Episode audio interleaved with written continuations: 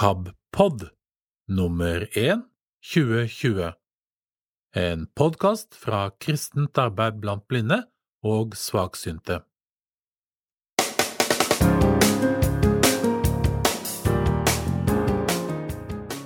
Dette kan du høre mer om på KAB-pod. Svaksynte Salum Kashafali er verdens beste på friidrettsbanen. På hjemmebane må han snart bruke hvit stokk.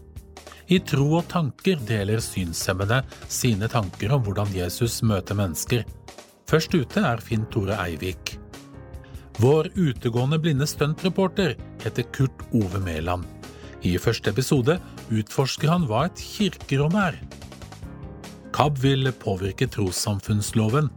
Du får vite mer om det i KAB Aktuelt. I år så har vi rekordmange arrangementer. Vi gir deg det du trenger å vite for å melde deg på. I prosjektet Synlige stemmer forteller synshemmede om egne møter med fordommer og utfordringer. Magne Lunde er først ute. Rødt-politiker Mimir Kristiansson mener ikke-troende må vise større toleranse og raushet overfor det kristne i samfunnet. Det og andre nyheter får du mer av i KAB-klipp.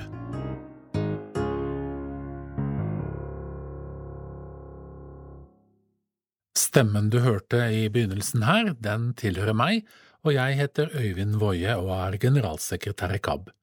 Jeg har gleden av å presentere den første utgaven av KAB-pod, og i tillegg så har jeg med meg Frank Tangen, Kari Underland, Hilde Leven Grumstad, Heidi Vestby og Kurt Ove Mæland i KAB-pod-redaksjonen. KAB-podden den vil erstatte lydavisa KAB-magasinet, og den kommer ut 16 ganger i løpet av 2020. Medlemmer av KAB og alle andre som ønsker det, får KABpod helt gratis. Du kan laste ned KABpod fra KABs lydbibliotek via Lydhør eller utlånssidene.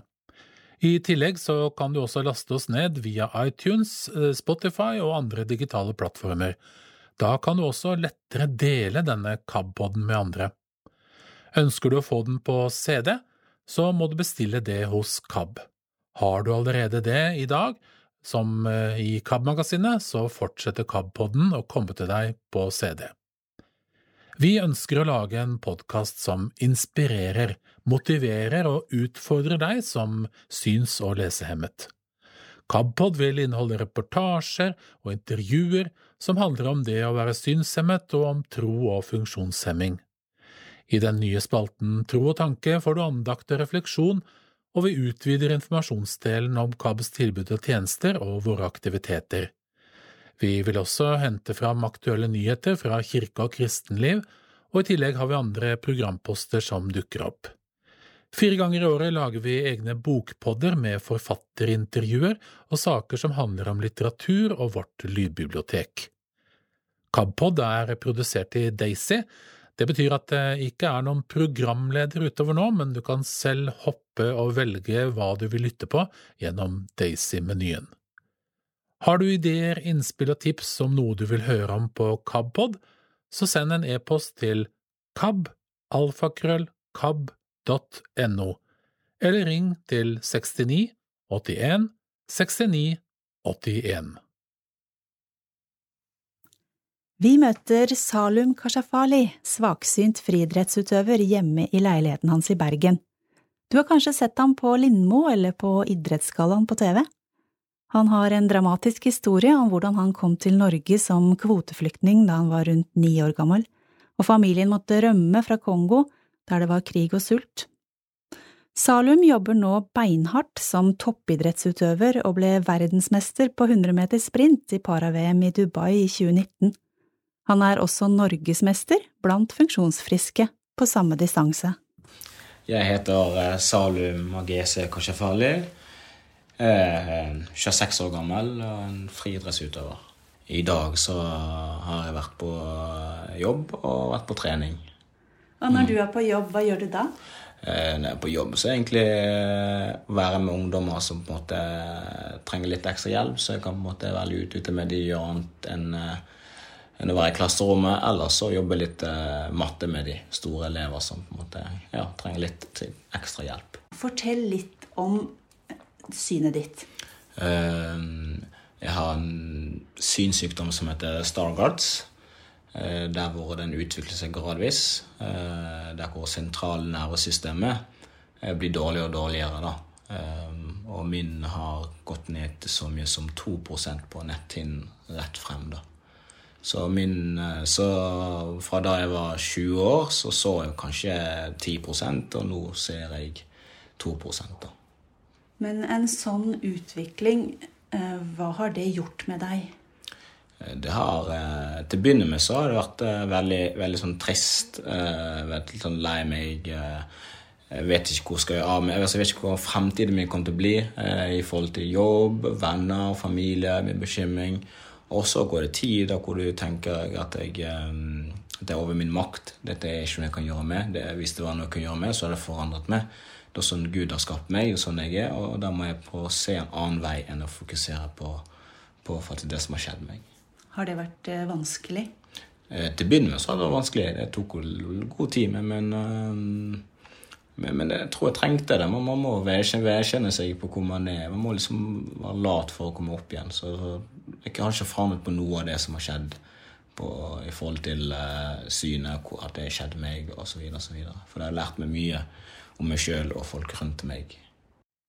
Salum legger ikke skjul på at livet byr på mange utfordringer, selv for en verdensmester. Han sier noe om at det er måten man takler problemene på som setter en standard for de dagene som kommer. Han finner styrke i troen på Gud. Tro betyr veldig mye for meg eh, personlig og min familie. Jeg var oppvokst av en familie hvor eh, vi alle var kristne. Eh, men når vi blir eldre, så får man muligheten til å velge sjøl hvem man har lyst til å gå. Jeg kom fra et liv der hvor jeg kom fra krig, nær døden. Jeg kom fra å bo i flyktningleir mange år til å komme til Norge. Hvilket land kommer du fra? Jeg kom fra Kongo. Så jeg kom fra et hverdag hvor man har mat hver dag på bordet fra å gå ingenting. Det, det, måte, det, er bare Gud som kan gjøre så mirakler. Så, så, Gud er på en måte den som på en måte styrker meg når ting ikke går veien. Og, den, og Gud er den jeg gleder meg når det går, når det går veldig bra. Så, så, han er på en måte min, min nærmeste, nærmeste venn, kjære. kjære ja.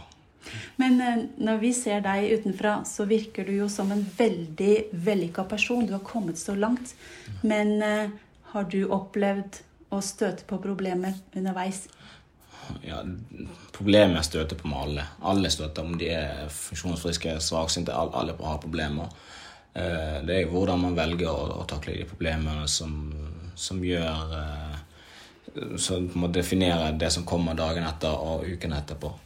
Så du kan jo tenke deg at det, det er greit å få, få, utfordringer, men la oss tenke at jeg holder en glass med vann. Jo lenger jeg holder på det glasset, der, jo tyngre blir det for meg. Så jeg må kjenne på det, så må jeg legge det fra meg, og så må jeg bare prøve å tenke positivt. For du kan ikke forandre noe du ikke er klar over. Men det er viktig å anerkjenne hvor man er. Anerkjenne hvor man er, ja. Mm. For når vi ser på deg, så er det nok mange som tenker på deg som et forbilde. Men hva tenker du om å være et forbilde for andre, da? Ja, Forbilde vet jeg ikke. Jeg vet ikke hva jeg vil si. Det er hyggelig å høre det, da. Jeg ser ikke på meg som selv forbilde, men jeg ser på meg som en veldig heldig person på mange måter for at jeg ser muligheter, ikke begrensninger. Og så har jeg på en måte Gud som på en måte jeg har så mange har. Så det, det, forbildet vet jeg, det er vanskelig å si om jeg, Det er hyggelig å høre at det er så ville, men jeg tenker ikke på det sånn. Nei. Eh, så det er veldig sånn når folk sier det, eh, jeg tenker jeg er virkelig det. Jeg har lyst til å være den personen jeg drømte om å være da jeg var liten hvis jeg skulle bli vellykket. Ja. Det er den troende personen, den harde jobbene, eh, den gode og snille personen. Det er på en måte ja. sånn ikke. Så du drømte om å bli en hardt jobbende og god og snill person? Ja. ja. Det var på en måte det. At hvis folk skulle se meg huske når jeg kom til Norge, kom til Vadsø og satt på TV, masse flotte idrettsutøvere. Og da husker jeg tenkte at hvis jeg skulle noen gang bli så god som noen av de der, og var på TV, og da, da skal jeg være den godtroende, kristen idrettsutøver, den hard jobbende og snill og være meg sjøl. Det var liksom ja. ja. Mm. Men drømte du om å bli idrettsutøver som barn da du bodde i Kongo? Uh, nei. Det drømte ikke, Den drømmen var ikke da. da. da for når jeg var liten, så handlet min hverdag til å fra da jeg våknet til å, på kvelden på hvordan, hvordan, hvordan neste måltid skulle komme. liksom. Um, så da tenkte jeg på, på en måte å overleve istedenfor å Men, tenke men på hvordan bodde dere da i Kongo? Bare sånn at vi kan se det litt for oss. Ja, hva skal man, Da bodde vi i en liten landsby som heter Goma i Kongo. Eh, vi bodde i en lite, bitte liten sånn gjørmehus, da. Med tak der hvor den vannet kom som rente ut. Eller, det var på en måte det, men for oss var det fantastisk.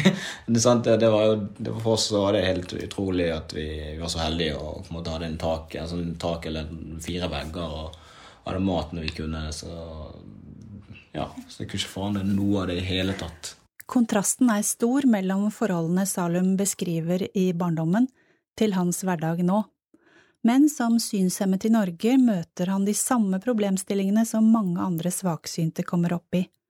Hva med å bruke hvit stokk, være avhengig av andre, eller finne veien? På stedene jeg er veldig kjent, så finner jeg frem sjøl. Steder som jeg går hver dag. Men hvis jeg skal på et nytt sted for, første gangen, så må jeg med en person til, en ledsager eller en kompis, eller skal med meg flere ganger før jeg sjøl prøver å lage det bildet og og de rutene jeg har. Ja, du bruker ikke hvit stokk? Jeg bruker ikke hvit stokk, da. Det gjør jeg ikke. Uh, Men etter hvert så må jeg gjøre det, for det er veldig slitsomt for meg å skal ja, falle på noe, dunke på noe. Jeg har flere blåmerker på, på beina mine for at jeg har falt et par ganger. Eh, Men det er ingen som teller enn bare meg sjøl, så jeg Ja. Men eh, føler du det vanskelig å skulle gå med en hvit stokk? Ja. Ja. Skal jeg ærlig si det. ja.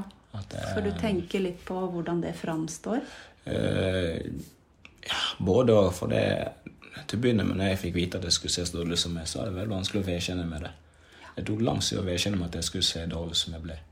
Uh, hvor jeg var bekymra hvordan vennene mine skulle se på meg. da. Hvordan min familie skulle se på meg. Hvordan folk utenfor meg. For jeg har alltid vært den som var flinkest på, på idrett, uten å skryte. Alltid vært den som var flinkest i fotball. Eh, flinkest på håndballen. jeg så litt bedre, da. Eh, og så var liksom når noen kommer og forteller at du, du kommer til å se så dårlig, så, så vil du ikke vedkjenne deg. Sant? Og da vil du tenke på hva folk skal tenke om deg, istedenfor å prøve liksom å, å tenke på hvordan jeg skal gjøre best ut av den situasjonene jeg er. Så det å gå med vitsstokk er noe jeg eh, jeg har ikke vedkjent meg ennå. Jeg. Jeg spør om det fordi mange av våre lyttere er nettopp i den posisjonen. Ja. Og tenker på og kjenne på de tankene at det er litt vanskelig å starte med en hvit stokk. Det er en barriere å gå over. Det er det. Ja. Det er det for meg, òg. det, det er noe det, det, det, Jeg vet ikke hvordan jeg skal komme den knekken der, men jeg vet at til slutt så må jeg gjøre for min egen helse. Jeg må Ja. det. Eh, men det er positive nå at hele Norge vet jo hvor dårlig jeg ser. Det var det positive. Før så lot jeg som jeg så bra. Så jeg gikk med vennene mine og gikk på aktiv og lot som jeg så. Satt på telefonen og bladde, men jeg så ingenting på telefonen. Men, nå vet jo alle at det er dårlig, så det er litt, litt lettere overgang. Blir det absolutt. Ja, hva vil du si til andre i den situasjonen, da? Nei, jeg skal si at jo lenger man venter, jo verre det blir det. på en måte. Så man må liksom bare oppsøke folk som uh, kan veilede på hvordan du skal komme over gjennom den knekken. Bruke familie og venner.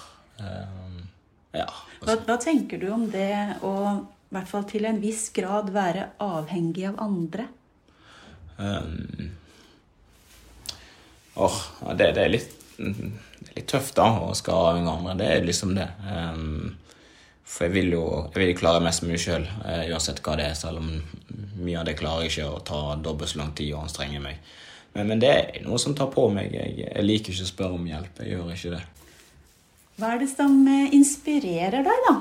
Det som inspirerer meg hver dag Uh, Jeg skal ærlig så det som inspirerer meg å se folk som uh, har funksjonshemmende, og allikevel er i arbeid, allikevel like aktivitet. Det er de folkene som har fått meg til å, til, å på en måte komme gjennom hver dag Det er det andre folk klarer ute i, i Norge, ute i verden. og sånt. Så du har blitt inspirert av andre med funksjonsnedsettelser? Absolutt. Ja. Det å se en eh, Jeg skal et par år tilbake. Det var en, alltid en mann som jogget, jogget med stokk. Han var supersprek. Han jogget med Han jogget med stokk, ja. ja, ja. Hvit stokk, ja? hvit stokk. Jeg tror jeg vet ikke hvor mange prosent, han jogget alltid med hvit stokk. Jeg husker alltid jeg, var, jeg fikk alltid gåsehud når jeg så han eh, jogget, og, inspirerte meg. Så sånne folk som har funksjonshemmede, eh, det, er det, som, det er det som inspirerer min hverdag til å stå på og jobbe. Ja. Men eh, du er jo faktisk litt kjendis. Er det mange som vil ha en bit av deg?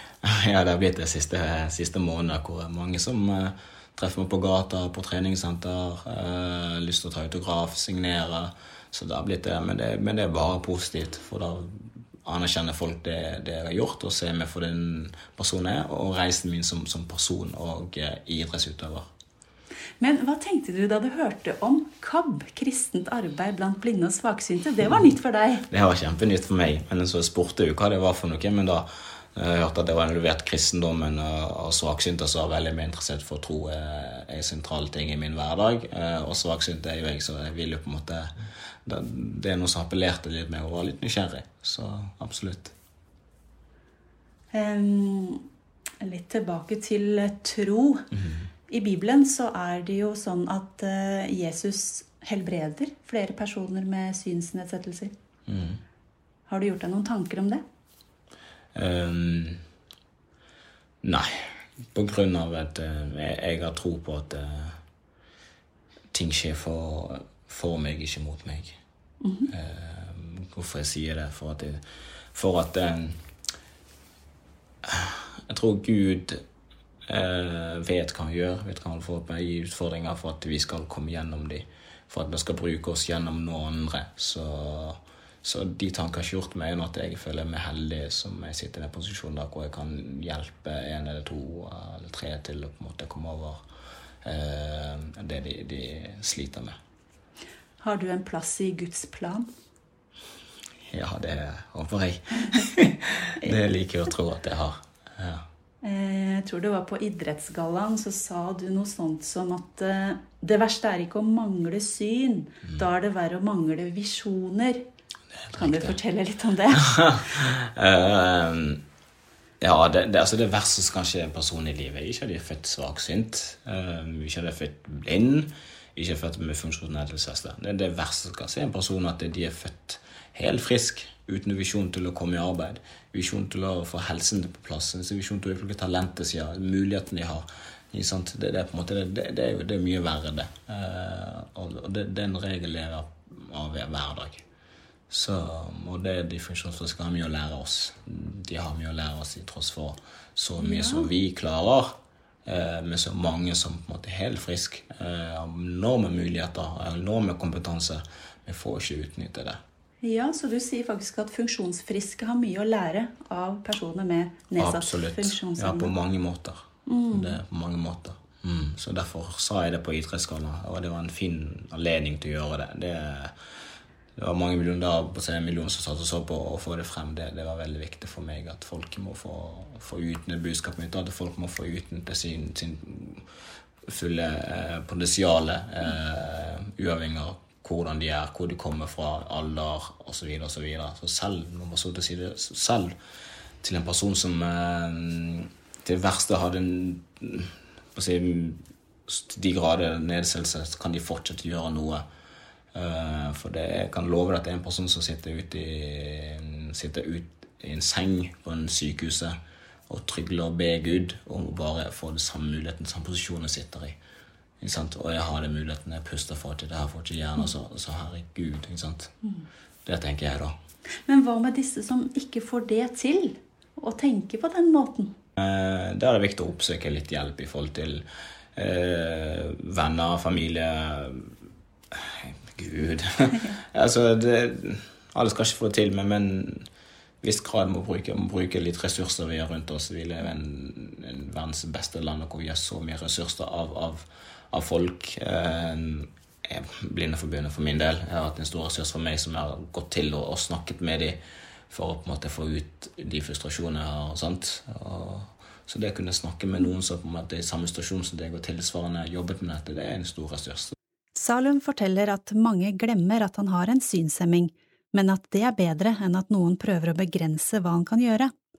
Han har truffet mange synshemmede gjennom paraidretten, men henger mest sammen med seende venner. Ja, det er mye seende folk. Glemmer de bort at du ser dårlig? Det gjør de. Ja. det, det, gjør de. Så de ja, 'Kom og se på det, se på det.' Sånn, det er en personen der borte. En, sant? Jeg, bare, jeg får ikke med meg det der. Men de glemmer seg, men det bare minner de på. Men jeg syns det er veldig bra. For det verste som kan skje, er at en person begrenser meg sjøl. For altså, den personen sier at nei, Salum kan ikke ha med på det for han ser dårlig. Det er det verste. Eller de kan ikke gjøre det for at han ser så dårlig. Det er det verste som kan skje. Så du blir ikke fornærma hvis noen mm. sier 'kom, se her'? Nei, det blir fornærmet. Det er min fantasi. Du må huske at jeg ser så dårlig. Ja. Og det skjer folk med rundt Da blir det noen komiske situasjoner? Ja, det gjør det. det er jo på en måte gutter ute og bare Ja, ser du den fine jenten på andre siden? Bare Er det en gutt? er det en gutt? Ja, så det blir det. Til slutt presiserer Salum at han brenner for at alle skal ha like muligheter, uavhengig av hvor man kommer fra eller hvilken funksjonsevne man har. Jeg er opptatt av å hjelpe andre. i jeg er frivillig på Røde Kors. Jeg hjelper der å få snakke med ungdommer. Eh, ungdommer som eh, bare har lyst til å ha en voksen å prate med om sine problemer, eller, voksen, eller ungdommer som har bare lyst til å være sosiale og føle at de er en, en trygg voksens hender. Det, det, er sånne ting som opptatt meg hver dag. At det skal være like muligheter. Så det er sånne ting jeg interesserer meg veldig veldig for. At det skal være like muligheter uansett begrensninger og utfordringer. Det var Kari Underland som hadde møtt eh, Salum Kashafali hjemme hos han selv i Bergen. Nå er det Tro og tanke ved Finn Tore Eivik, men først så leser Magne Bruteig teksten, og tekstene våre handler om eh, hvordan Jesus møter ulike mennesker. Vi skal til Markus kapittel 10, vers 11 til 17. Jesus og den rike mann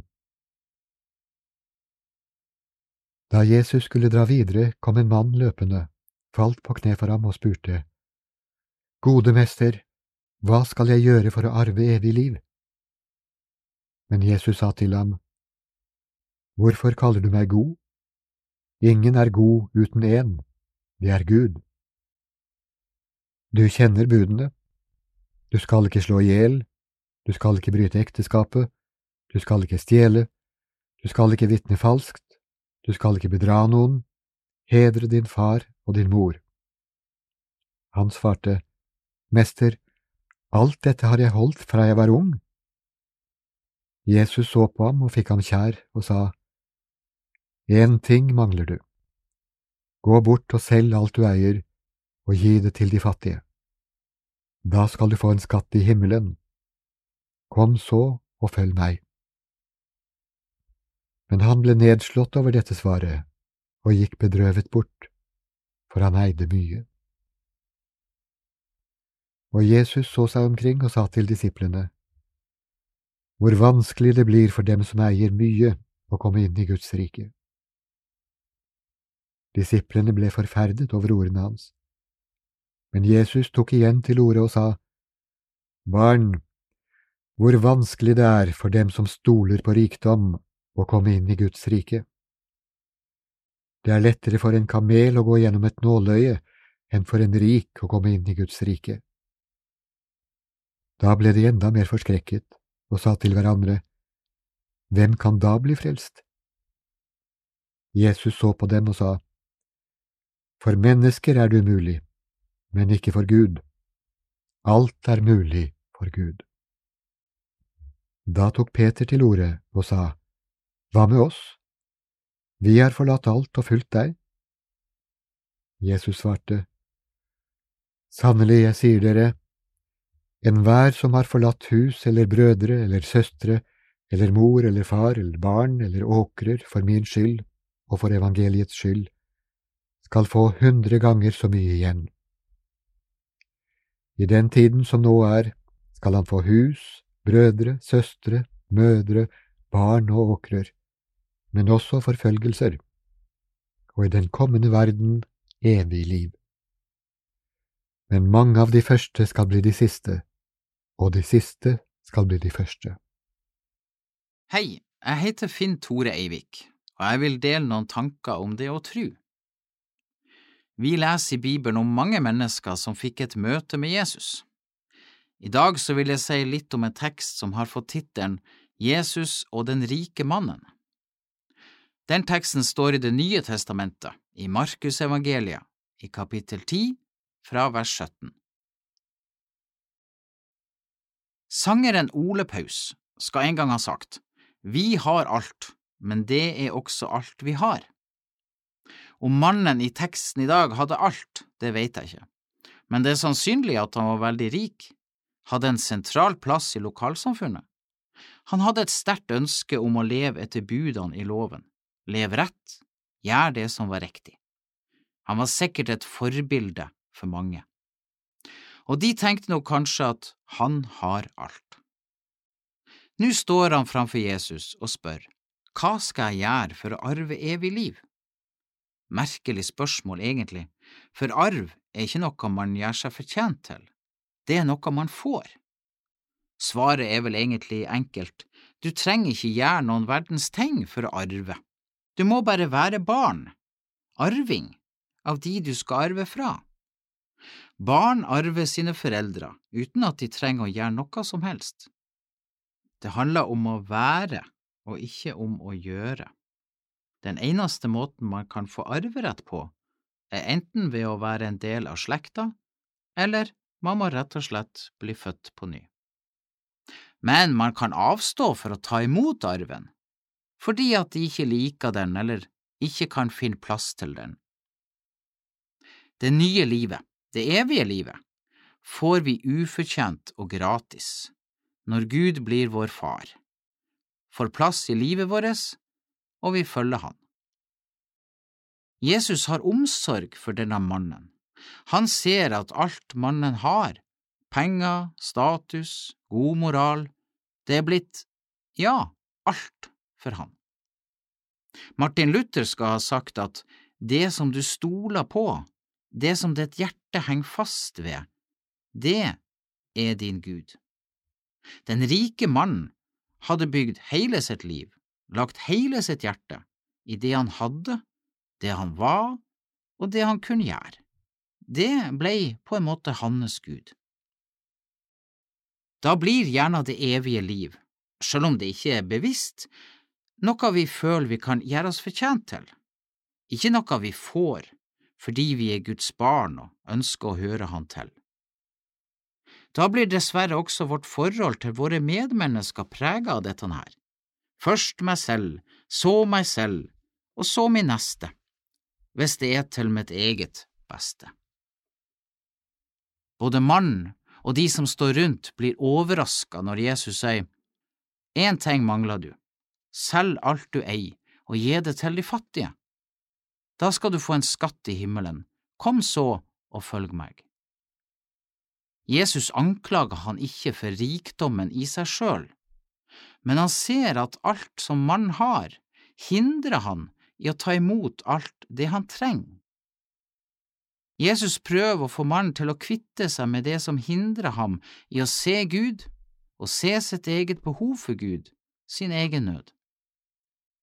Mannen går bedrøva bort, står det. Han elska sine eiendeler så høyt at han klarte ikke å skille seg med dem. Samtidig så ligger det et håp i det når det blir beskrevet sånn at han var bedrøvet.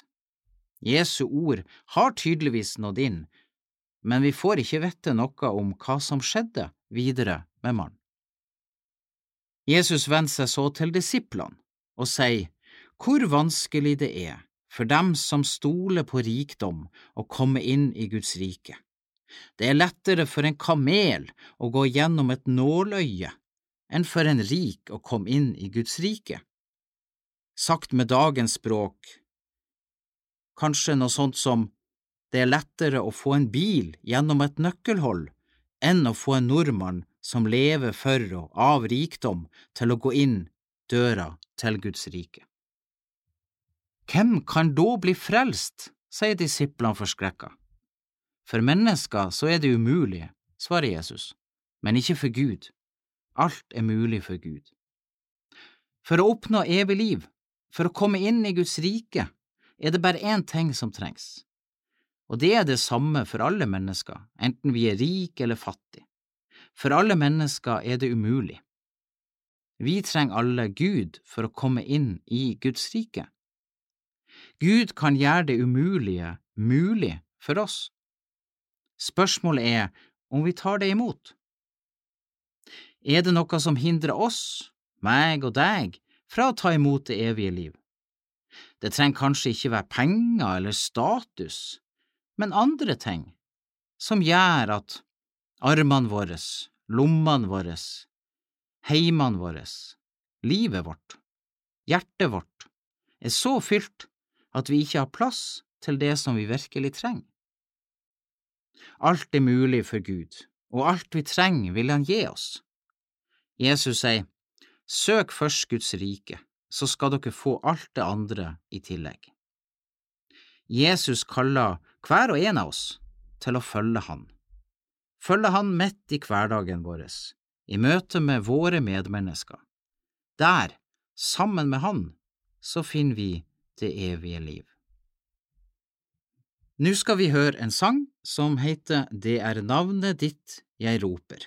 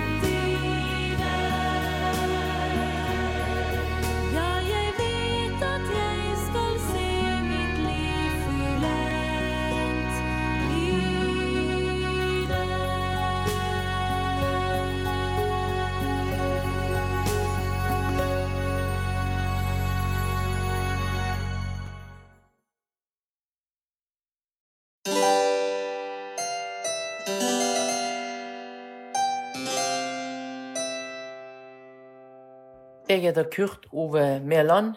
Jeg er 49 år gammel og ser ikke en hånd foran meg.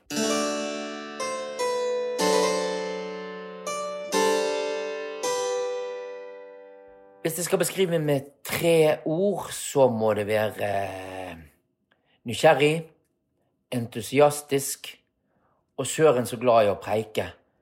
Og så kan jeg ikke glemme musikk. Ja, det blir fire. Ja, ja.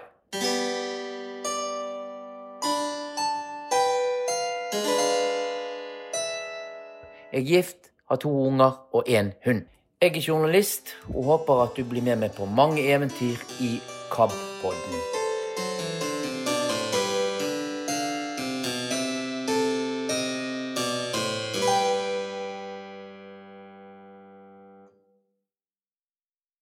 Hei, jeg heter Kurt Ove Mæland, og i dag så har jeg lyst til å invitere deg med på en eh, vandring i kirkekunsten i Tveit kirke på Askøy, rett utenfor Bergen. I tillegg til det så har vi mannen bak kirkekunsten her i denne kirken med oss på vandringen, nemlig Arne Mæland, som kommer fra Os rett utenfor Bergen, det òg. For en observant og lytter så hører en at det er likhetstrekk i hvert fall mellom Kurt Ove Mæland og Arne Mæland. Ja da, det er min onkel, men det kan gå greit allikevel. Jeg er blind, og dermed så, hvis jeg forstår hva både meg og Arne snakker om, så tror jeg du òg vil forstå det. Som enhver reportasje med respekt for seg sjøl, så skal man jo begynne med litt musikk, så da må jeg ta gitaren her. Sånn. Da kan jeg ønske deg hjertelig velkommen inn i Tveit kirke.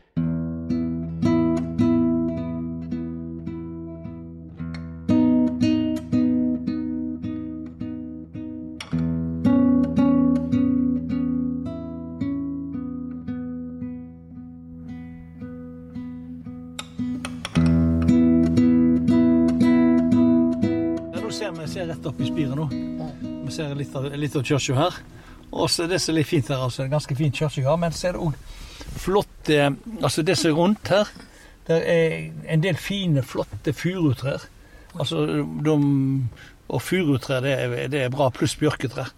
Ja, vi får gå Ja, ut. vi går Vi ut. går ut. Vi. Vi har jo fått nøye lov, vet du, så vi er jo søren meg. Her er ungdomsskole, hører jeg. Ja. Ja, du har godt, godt øre i forhold til han der onkelen. Sånn. Skal vi se, her er ei dør. Vi prøver neste dør. vi. Ja. Vi skal klare det. når vi skal få ei nøkkel til kirka. Vi skulle bare visst hva de, Ja, hva de, slappe inn? hva de slapp inn, vet du. Gammel, skjeggete slaur, vet du. Ja, ja, ja. Det, det her er jo ikke Det, var jo, det går jo ikke an å komme inn, for den er blokkert. Ja. Nei, for at, da skal vi se. De sa på venstre, sa ikke de det? Ja, jeg tror da skal vi Nå er ei, dør til lenger ned her, men Ja. det er vel mer sånn derre Tretrapp. Så Sånn. det er trekirke òg, altså. Ja, det er trekirke. Hvit, hvit trekirke. Yes nå. Åpner seg inn til Kurt. Nå Ja. Da får vi lukke igjen her. Ja, Nå igjen her. Nå er det ikke lys her. Nei, det trenger du kanskje. Nå står vi bak. Og her har du da lagt både altertavle, glassmaleri og talerstol og døpefond, så her må vi mye å ta tak i. Ja da, her har vi. Vi får gå fram. Ja, Da går vi fram i midtgangen, tror jeg. For meg, da, altså når du kommer inn nå, det som er litt spesielt, hvis du spør om det med, med glassmaleriet Ja. Nå litt sånn teknisk, da. Det som er jo spesielt, at nå er det mørkt inne. Det er lyst ute.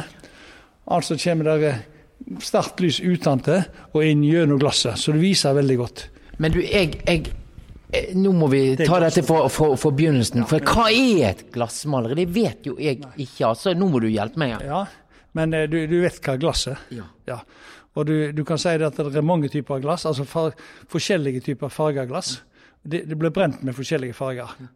En veldig vanlig farge tidligere det var den koboltfargen, den blåfargen. Men eh, nå, nå, nå kan du brenne glass i, med forskjellige farger, og det, og det er jo gjennomsikt. Lyset går gjennom. Eh, og, men hvis du legger to, to glass oppå hverandre, da, så får du en ny farge. Så hvis- Forskjellige farger på hverandre. ja, da får du en tredje farge. Så hvis du legger da eh, skulle til å si eh, blått og gult, så får du en grønnfarge. Akkurat det som overlapper hverandre, det blir da en grønt. Slik at eh, når du legger Altså på den måten Det er to typer glassmaleri. Eh, og det er den gamle måten. Når du hadde farga glass, så la du det ut som mosaikk, som et puslespill. Ja, små biter. Ja. Forskjellige farger. Ja, Ja. med, med, med, med bly, bly, bly mellom hver bit for å holde det sammen. Og Det var den måten de gjorde før. Men nå i, i vår tid så har vi fått litt andre hjelpemiddel. Så nå, nå må vi få en måte å gjøre det på der vi legger oppå hverandre så mange glass vi bare vil. Og vi bruker silikon mellom glassene for å holde dem sammen. Lime det med. Og Den er gjennomsiktig, men den kan òg være veldig fin. For da ser du det som et sånt prisme, at sol bryter i forskjellige måter gjennom på lyset. Ja, jeg gjør det faktisk. Men jeg trodde et glassmaleri var en figur. At det var noe maling. Nei da, det er ikke det, det. Men vi kan legge inn figurative ting. Ja. Er det figurer på det? Der er, der er figurative ting inni det. Sirkler og litt sånn udefinert? Ja, ja. Jo, eh, helt øverst oppe i spissen, der er det en eh, ellipseforma oransje sak med, med masse litt tyngre blåfarger rundt, og, og litt lyse felt under det. Det er Guds øyne, symbolet på Guds øyne. Så det er liksom helt øverst i, i, i, i, eh, glassmaleriet. Så da har jeg lagt inn eh, forskjellige blåfarger. Eh, Der med øyet? ja, rundt øyet. Og de blåfargene de går ned gjennom det glassmaleriet her. Det er fire-fem vinduer under hverandre. Eh, og de glass, de farge, blåfargene spesielt, da, som går mest igjen i hele, hele kirka, eller i, i glassmaleriet, de blir lettere og lettere jo lenger ned du kommer. Altså det blir mer og mer lyst. Men under de øynene så skyter det ut en, en masse med farger med gult og rødt og grønt og, og oransje som skyter ut ifra øynene, det, det er Guds lys som er på vei ned til oss menneskene. Er, er inni hodet mitt som den som har skapt det. sant? Så, eh, så prøver vi da også å liksom si at det er ok, Guds øyne og Gud som da sender lysene ned til, lysene ned til menneskene. Og så kommer det ned, og så treffer det da. Verden, så verden blir lysere. Eh, Ja. Og så kommer det ned, eh, lys opp for oss menneskene. Men er det Guds øye? Er det stort? Eh, Ja, det kan si eh, Hvis du tenker deg eh, Altså, dette glassmaleriet her er ikke så veldig bredt, men det er vel Altså Nå tar jeg Det er vel 1 meter og 20 bredt. Det, det ser du for deg. Og, og det øyet, det er ca. halvparten. Så da kommer du, har du Guds øye, lyset strømmer ned, eh, Ja. litt ekstra blålig rundt Guds øye. Ja. Og hva, hva, hva, hva skjer med lyset på vei nedover? Ja, det blir lysere og lysere, det blir mer og mer av det. sant? Det kommer opp ifra disse øynene. Eh, Ganske intenst, med noen kraftige, og så, og så ser du hvordan det lyser opp det som er nede. Men der ser jeg for meg symbolet med verden, at verden er ganske klar og litt mer, mindre farger i. Ja da, du kan si det, som, det lyset som kommer ned, da, da, da, er hele, da er hele glasset blitt ganske lyst. Altså det er lyse blåtoner. Eh, så det som det lyset for øverst oppe over øynene, der er det ganske mørkt. Vet du hva jeg ser for meg nå? Jeg ser for meg dette Guds øye syns det hørtes veldig fint ut. Altså, altså det er Jeg ser for meg noe, noe veldig varmt som som som har ulike Som det strømmer lys gjennom. At det, at det glinser litt. Gjør det det? Ja da, du kan si i- under det altså, Guds øye er òg veldig varmt, for det er en veldig varm eh, farge som, som, som varierer fra oransje til gult. Altså det, det, det, det, er- det er overlappinger. Det er sikkert det er ikke bare én farge, men det, det er flere gul-oransje farger. Og lenger under der så kommer det varme farger som skikkelig stråler ned, kan du si. Og så kommer, da, kommer det mindre og mindre av dem, men så kommer, blir hele eh, glassmaleriet eller, eller, eller opplevelsen mer og mer lyst opp, kan du si, det som er nede. Altså det som er menneskene. Det blir lyst mer og mer opp av Guds lys, da. Men jeg kan jo òg se for meg at, eh, at eh, varmen Det høres jo ut som du sier, lyset strømmer ut fra toppen, og varmen og lyset går nedover, og så blir det kaldere. Eh, ja, nå Ja, Jeg, syns det hørtes ut sånn når du sa det. jo da, og du kan si blåfargen er jo kald. Ja. Altså egentlig. Så sånn sett. Men, men eh, jeg, det at du får mer lys, og med en gang du får mer Blir det lys varme? Jeg tror det blir litt kaldt jeg, med lys. Eh, ja, men hvis det, det, det kan du si på et, på et mm, Det kan en godt se for seg, men samtidig så at når noe er opplyst, så er det litt, litt, eh, litt deilig, kan du si. Hvis det ligger veldig i mørket, så er det litt tungt. Så du kan si at om ikke vi sier at det er kaldt eller varmt, men at det, det er opplyst, slik at på en god måte, tror jeg, håper jeg.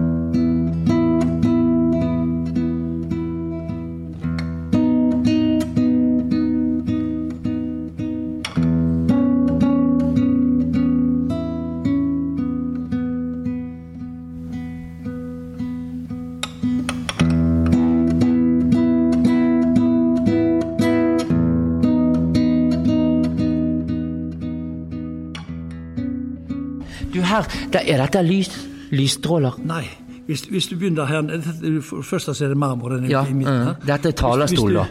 hvis, du, går oppover her nå, og så kommer du innpå her nå, og her finner du et lite ansikt. Ja, ja det Der kjenner har jeg. du en, fi, en figur i hel lengde. Ja. Og så rundt her så er det masse, masse folk lagt i marmor, Ja. men bare som forenkler da. Ja, jeg kjenner du? Folkene er nesten bare klumper. Ja, ja. Du kjenner ikke ansiktet eller noe på dem. Ja, her har du, nei, du Ja, der har du et ansikt, der har du nese. ja, sant? Ja. Så dette her er Det er altså det er Krist, eh, Kristus, Jesus, som taler til mennesker. Mm, Ja. Så den første figuren her, Ja, det er Jesus. det er Jesus. Men hvorfor står Men- de der ansiktene over han? Ja, det er fordi at det er måten du når skal um, Hvis jeg hadde tatt han med ansiktet oppe, så Ja. ville jo de kommet bakom. Ja, sånn, og da ville jeg ikke fått dem med meg.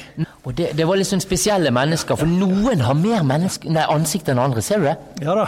Og det det er for å Men ofte når du skal tegne en flokk, så drar du fram kanskje den nærmeste, eller, eller, og så lar du andre bare, bare Ja. så vidt sånn antyde med Men du føler at det er en flokk, kan du si. Altså, jeg kjenner jo dette her. Jeg kjenner jo dette her. Det er nydelig. Altså, det, og dette har du hogget ut i marmor. Det er hogget i marmor, ja. Og her er jo da kontrasten med det blå, Ja. og så den krithvite, eller litt kremhvite marmoren. Så jeg Ja, for denne her. tre blått, Ja, og står inni i blå, det blå, Ja. og, så, og så her er, hvite marmor. her er hvite marmoren. Liksom det, vi er en del av noe stort, Ja. kanskje. Så, ja. Og så da kan vi ta disse elementene på, Ja. på vei framover. Eh, ja. Og da, da ser vi, hvis vi går bort til uh, døypefonten, da, ja, den blir gøy kjenner på. da kan du jo Her, ja. Åh. Du, den Er det marmor? Det er marmor, det. Det var, det var voldsomt. Høres ut som glass. Høres ut som glass. Men dette her var Det er fineste marmor du kan, kan finne. Og det har vært oppe borte på noe nå. ja, Hva er det? Du, hva er det, tror Det det, det, det er et kors. Ja, Det er et lite kors, ikke Ja. Det, er- det er faktisk et korsliknende sak, men for meg var det due, da.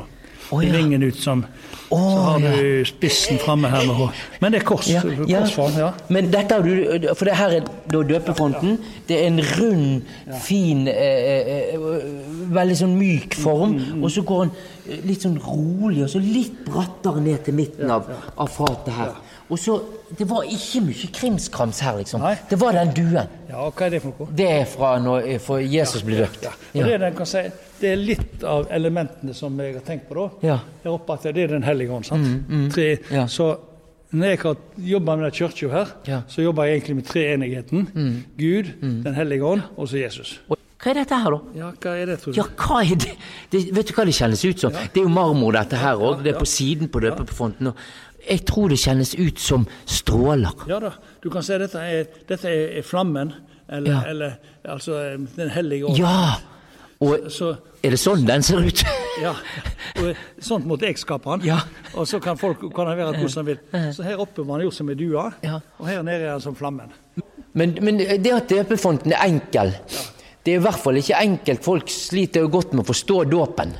Ja, det, det, det, det er helt sant. Så kommer vi bort til, til, eh, til, til eh, alterbordet. Er det bare et bord? Ja, det bare et bord, og oppå der ligger det en bibel, eller to bibler. Og så, hvis du går litt, litt videre her, så går du inn på bordet her. Ja. Og, Og så- der har vi en lysestake. Ja, Da står det en òg i samme marmoren. Ja. På- Frampå her nå Ja. så er det da bladgull ja. Oi! som ligger ut, altså gull som Ja. er Som det er på Er det der, er disse uregelmessighetene i bordplatene så, Ja, så, ja, er, Jeg hadde trodd det var merker! Ja, Nei da. Det, det er gullet som ligger utenfor. Ja. Og blått- Fantastisk. Jeg trodde det var merker, og du, hadde, du, du ser at det er gull. Det, nå, nå er det begynt å komme på altertavla. Og den er lagd i, i to store treplater. Ja. det er jo kjempestor plate, dette. Ja, ja. Og så kommer de utenpå den igjen. Ja, hva er det, da? Ja, Det er det er jo ei samme treplate og litt bua. Ja, det kjentes nesten ut som altså Den som var utenpå, kjentes, ga mer liv. Drivet. Ja da. ja. Det er litt, Kan, har du tenkt på det? At det er Eh, driveaktig? Nei, Nei. ikke akkurat drivet, men litt røffere. Ja. Og så kommer du videre bort igjen. Og så Det som går igjen nå her, er at det, det som du holder nå, Ja. der er det gull Ja, der langs hele, rundt hele. Ja. Og den går 2,5 meter opp. Oi. Eh, og så er jo det 2,20 brei, tror jeg. Ja. Og oh, hvis du går med neven og videre oppover her, hvis du kommer bort her Ja, begynner å kjenne. Det Der er gull. Ja, Kan du kjenne noe spesielt? Ja, klumper. Ja, det der, der står det masse tekster. Det, det, det små, står små utdrag av tekster. Ja. Og her nederst der står det 'Mine kjære, la oss elske hverandre'. Men jeg, jeg må si, onkel Arne, at jeg, jeg, der, denne her tavlen ble jeg litt skuffa over. Ja. Altså, jeg, jeg har sett for meg noe helt Altså sånn Bare et Der tavlen var en svær Jesusfigur, kanskje, som hang på korset. Ja, ja. Men nå- så litt, nå har ikke jeg fått med deg helt alt. da. Å, nei. For Nei, du der ser du. Først har du store Ja. plater bak. Ja. Så har du den her som ligger utenpå, Ja. og da blir det litt skulpturelt. Mm. Og så skulle du ha fått Nå må du strekke deg så langt du kan. Strekk deg enda lenger. Kom an, litt høyere. må du. Kom an, Gå oppover nå med nevene. Ja. Så kommer du opp i et nytt element. ja, der er noe marmor. Så nå ligger det tre lag utenpå hverandre. Hva er dette? Nei, det er, det er to vinger Ja. i marmor. Ja. Og mellom vingene, Ja. så de, de er ikke helt sammen nå, så er det et åpent rom. Og det åpne rommet ser ut som et kors. Men når jeg kjente på den altertavlen, så, og, og den Jeg fikk assosiasjoner fordi at det var først en stor tavle. Stor, glatt tavle med litt sånn eh, gull på, sant. Og så kom en røff planke. Og så kom vinger. Og så var det et intet der som ble til et kors. Et, Et luftrom. Ja, ja. Og da, da tenker jeg Og så, etter den røffe planken, så sto teksten. Ja. Jeg, jeg føler liksom at det, det, dette her er dette er mange, en gang i mange sine liv-greier, ikke det? At du det er jo, altså Teksten står der som en veiledning. Den røffe planken, man får sår av Jeg har tenkt litt sånn. Det, det kan du godt, sånn kan du godt tenke, absolutt. Men det er litt interessant det der eh, hva jeg kjente her, da. Som ikke du har tenkt. Altså, for det er jo det som er kunst. Og mitt liv Det jeg opplevde i mitt liv, så kjente jeg at det var, det var liksom god tanke med, med en planke som var slått, som jeg følte han var, og, og skrukkete og rekt innfra. Og så var det betryggende ord der med, med Det var ikke noe med eh, den bibelteksten Jo, jo da. ja? Og det står her om at eh, det står, det står masse sånne små tekster. Sant? At det er folket som vandrer i mørket, ser et stort lys. Det er en av de. I- jeg vet at min løs, gjenløser jeg lever. Altså, det står en del sånne Altså, når jeg sitter og, det, jeg vil sammenligne litt med hvordan jeg jobber. Når jeg sitter og skaper noe, for f.eks. hjemme i studio, eller hva, sant? så blir jeg så glad. Ja. Kan du bli glad av dette her, å sitte og lage sånn? Altså, kan du liksom kjenne på gleden? Nå er, nå er jeg inni det, liksom. Ja da. Og det er klart, Når du sitter om kveldene og, og, og, og tegner først begynner veldig veldig enkle skisser, og så går du litt inn på hvert element, og så tenker du hva skal jeg ha med her, hvilke tekster skal med, hvordan skal jeg få bygge opp, hvor skal den vinga der være? Altså de tingene. Og, og ting blir til underveis, kan du si. Eh, Ifra helt enkelt, og så blir det litt, litt mer og mer gjennomarbeid. Og det er klart at når du da sitter og kjenner at ja, dette fungerte for meg, så, så kjenner du at eh, oh, du verden, jo, jo hvor deilig, altså. Og så er det klart at det på en sånn jobb som dette her, så har det jo alltid en sånn veldig Altså, det er jo en så stor jobb og så viktig, for at her, her vil jo folk komme til å gå inn i denne kirka i årtier. Og hvis de da skulle komme inn til noe og si åh, nei, Rolf, det var i den og den kirka, det, det var en feil opplevelse, det var ikke noe kjekt. Jeg har blitt jeg, jeg, jeg kjente Det er så artig, for jeg kjenner veldig mye annet enn det du har sagt. Ja, Så jeg, har, jeg må finne gitaren, for dette skal vi, nå skal vi Vi må blande våre kunstneriske pjalter, vet du. Så for nå kjente jeg noe som skal eh, etter, Jeg ble inspirert, jeg nå. Ja, altså. Så skal vi se her. Jeg, eh, Uansett hva du sier om blåfarge og hva du sier om dette lyset og alt, så fikk jeg en sånn litt sånn øh, deilig blå følelse inni meg. Ja, går flott. Ja. Og jeg Så jeg holder på med en skisse eh, om en eh, Det sto jo mye fint at de skulle være snille med hverandre. En uteligger eh, en, Ikke en uteligger, en tigger. Som har gitt meg så utrolig mye smil og varme og glede. Altså, jeg, jeg har gledet meg hver gang til jeg har hun har sittet på senteret, og hver gang hun er på jobb, så har jeg meg en veldig artig preik med henne, og da går jeg der lettere fra. Og hun sitter der dag ut og dag inn på en murkant, og det er jeg som får varme. Ja.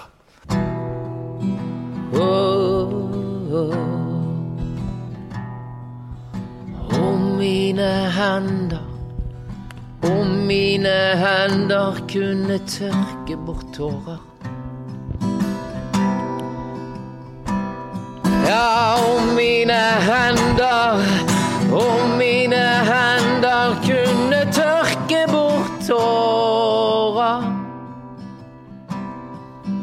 Bort ifra angsten, din rotløse flukt. Et sukk ifra stillhetens hav da du gikk. Der urørte, tause løfter ligger ganske trygt. Du faller på kne i skyggen av en dag.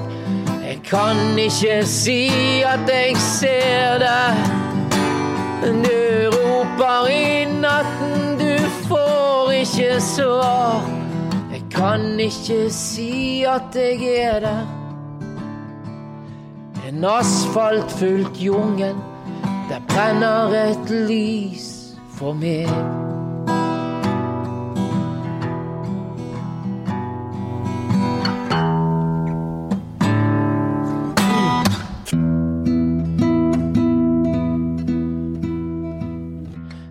Kan jeg gå ut i en regntung Bergen med visshet om at jeg har et par livsløgner mindre. Jeg eh, vet hvordan man skal tegne Jesus og snakke han til en folkemengde. Da må folkene stå over hodet på han. Ikke visste det før jeg gikk inn i kirken i dag. Dette programmet var produsert av Kurt Ove Mæland for kristent arbeid blant blinde og svaksynte. På gjenhør.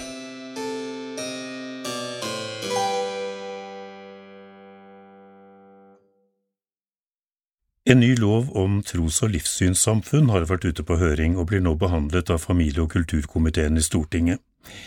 I desember deltok KAB på en åpen høring i komiteen, og der hevdet du, generalsekretær Øyvind Woie, at loven gir for svakt vern mot diskriminering av mennesker med funksjonsnedsettelser. Hva er bakgrunnen for den påstanden? Hvis en person som opplever å ikke få det han har krav på i en, eh, ja, en trosopplæring eller ved deltakelse i en menighet, eh, så er det slik at vedkommende må melde dette inn til eh, diskrimineringsnemnda. Og vi opplever og tror at for en person som er i en sånn situasjon, så blir det for mye, det blir for stort ansvar, rett og slett, å stå i den situasjonen og skulle bære den byrden, hele bevisbyrden, med å skulle påpeke dette.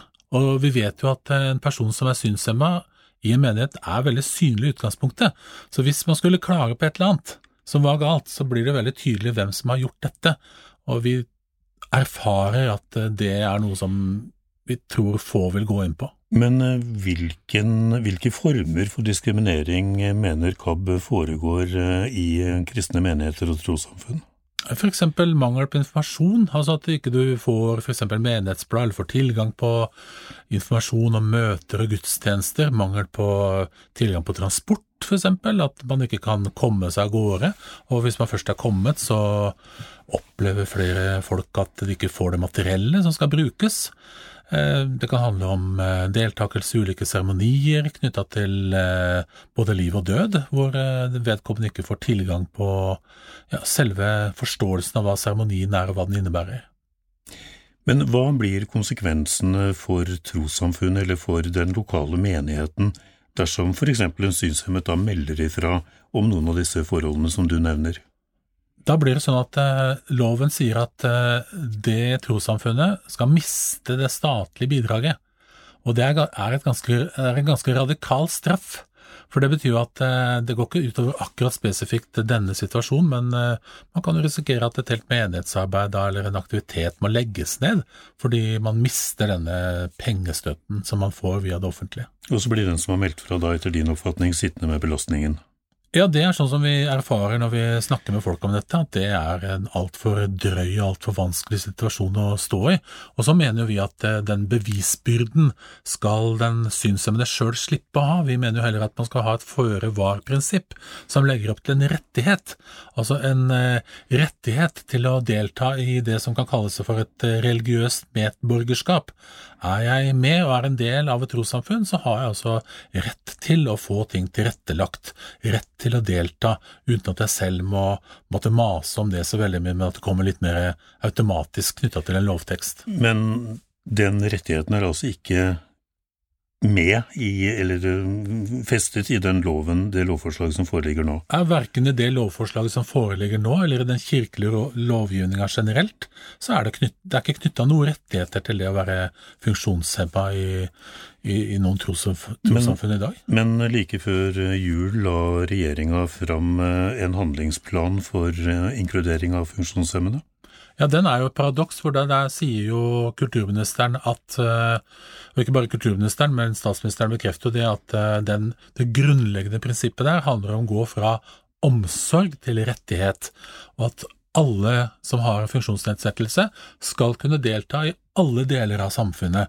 Og da mener vi i KAB at det er veldig viktig at vi påpeker at den delen av samfunnet som har med religion, egentlig litt uavhengig om det er Den norske kirke eller om det er eh, en helt annen religion, at de også skal ha denne samme retten, den samme rettigheten, til å kunne delta på lik linje med andre.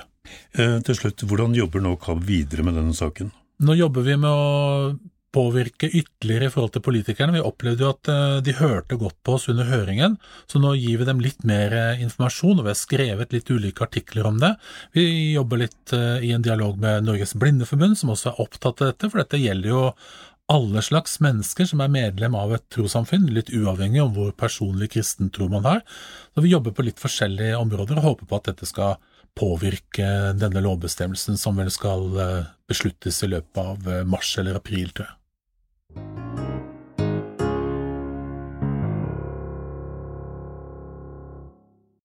KAB skal arrangere ikke mindre enn ni kurs og leirer i 2020.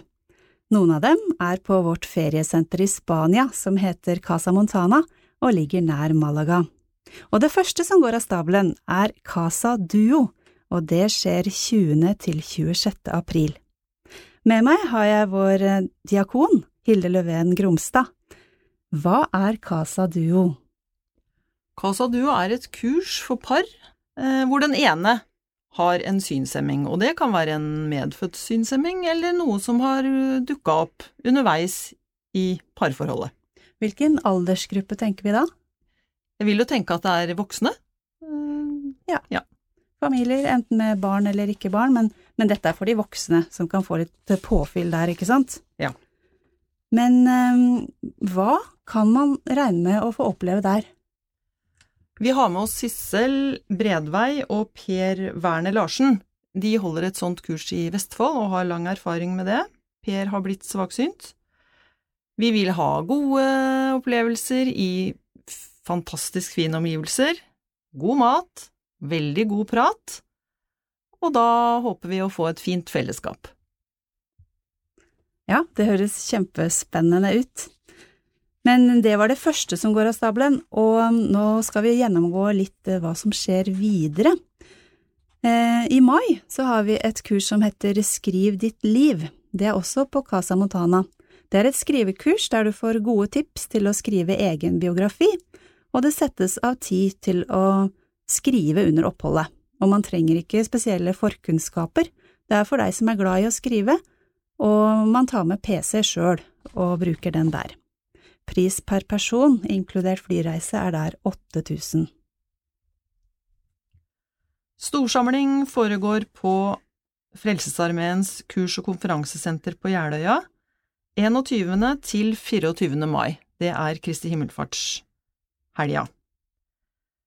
Da er du velkommen til hyggelige maidager i fantastiske omgivelser med seminarer, bibelsamlinger, konsert, gudstjeneste og mulighet for erfaringsutveksling og likepersonsarbeid.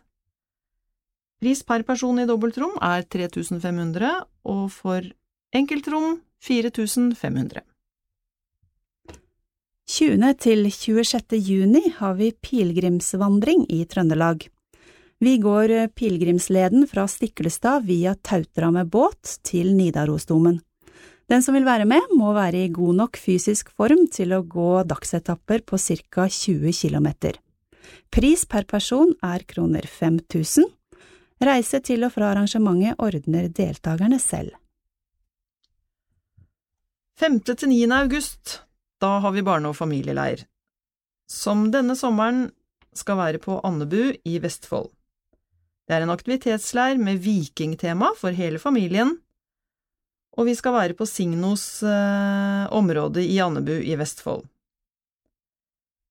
Der gir Signo ellers i året tilrettelagte tilbud for døve og døvblinde, så området er skjermet og godt tilrettelagt for personer med nedsatt funksjonsevne. Pris per person er 1000, makspris for en familie er 4000. Så har vi kommet til september, 7. til 17. arrangerer vi seniorleir som kalles Casa Retreat, og det er på Casa Montana i Spania. Og der innbyr vi til gode fellesskap og delta på utflukter i nærområdet, 9000 kroner. Og vi fortsetter på Casa Montana 14. til 18. oktober. Da har vi det vi kaller Casa Party, som er sydentur for ungdom. Det er fint å reise sammen med andre på samme alder som har de samme utfordringene, og her tilbyr vi en trygg og tilrettelagt reise med mulighet til å få ledsager gjennom KAB. Programmet vil bestå av bading, utflukter og naturopplevelser. Hele arrangementet er selvfølgelig alkoholfritt. Pris per person, inkludert flyreise, 4000 kroner. Så dette er et røverkjøp. Og videre på høsten, i oktober, 20. til 25. oktober, inviterer vi til Casa Action. Det er aktivitetsleir for voksne. På igjen Casa Montana. Og det er en leir med høyt aktivitetsnivå for deg som liker fart og spenning. Turen er beregna på voksne som har lyst til å prøve seg på nye aktiviteter. Vi bor sammen og lager mat sammen, og det blir mulighet til å påvirke programmet underveis. Pris per person inkludert flyreise kroner 8000. 6. til 8. november gjentar vi suksessen fra i høst. Da blir det LAN på KAB-huset, altså dataspillhelg. Vi inviterer datainteressert ungdom til leir med enkel standard. Deltakerne tar med datamaskiner og spill selv, og vi vil også besøke Spill Exomessa på Lillestrøm. Pris per person er 500 kroner. Dette var en kjapp gjennomgang med en del info om noen, eh, eller egentlig om alle arrangementene våre, men selvsagt er det mye man kan lure på, og det er bare å gå inn på kab.no på nettet, så finner man egen informasjon om hver enkelt aktivitet. Det går også an å ringe KAB, det er 6981 6981, eller man kan ta kontakt på mail kab.alfakrøllkab.no har bedre viktig informasjon om KAB-arrangementet, for allerede den 4. februar kan du være med på forfattertreff i Lund kirke i Kristiansand. Det begynner klokken 18.00, og du får møte Tore Thomassen og Barbro Raen Thomassen i samtale med generalsekretær Øyvind Woie. Dette er et åpent arrangement hvor alle som bruker KAB og andre som har lyst til å komme, er hjertelig hjertelig velkommen. Vi skal ta opp eh, podkast, og vi skal eh, få vite mer om disse flotte folkene som er sammen med oss. Så er det tid for årsmøter, og først ute er eh, Stavanger og Rogaland Foreninga KAB, som skal møtes den 19. februar klokka 18.30 i Totalen i Weissenhusgaten nummer fem. Det blir andakt av Per Andersen, årsmøtesaker og sosialt samvær, og KABs generalsekretær deltar også. Neste ut er eh, Agder forening av KAB. De har årsmøte den 5. mars klokken 18.30, og det skjer også i Lund kirke. Her blir det både pizzaservering, informasjon om KAB og andakt og årsmøtesaker, og generalsekretæren i KAB deltar selvfølgelig også på dette møtet. Alle er hjertelig velkommen til arrangementene i KAB, så ta kontakt hvis du trenger mer informasjon, og møt opp og bli med. Synlige stemmer er et skriveprosjekt i regi av KAB. Vi har invitert eh, synshemmede til å skrive og fortelle om eh, erfaringer og opplevelser fra det livet man lever som synshemmet, enten det handler om arbeid, fritid, møte med andre mennesker, hva det nå måtte være. Hittil så er det skrevet eh, nesten 100 tekster, og flere av dem er publisert i ulike aviser og nettaviser. På hvert nummer av KABpod så vil du få høre én tekst. Denne gangen så er det Per Christian Tovsrud som leser teksten til Magne Lunde.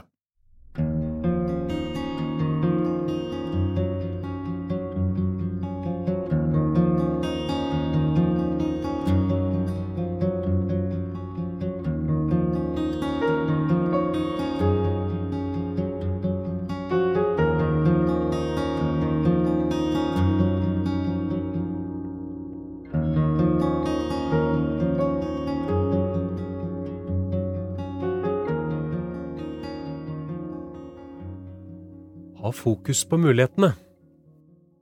Det er budskapet vi ofte hører.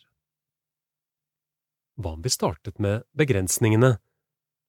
Kan de sette oss på sporet av hvilke muligheter vi har? Jeg trakk lua godt ned i øynene, jeg ville vise at jeg var blind.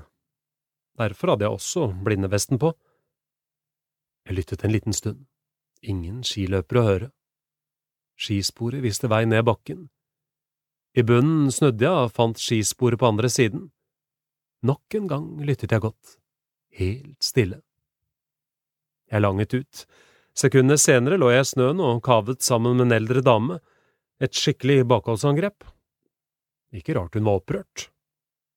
Du kan da ikke gå med lua slik ned i øya?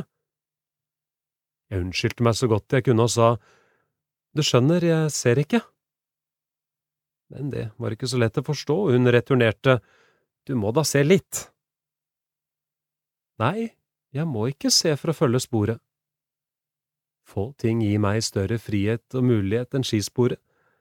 Det viser vei og gjør at jeg kan gå på egen hånd. Men skisporet bevisstgjør meg også på mine begrensninger.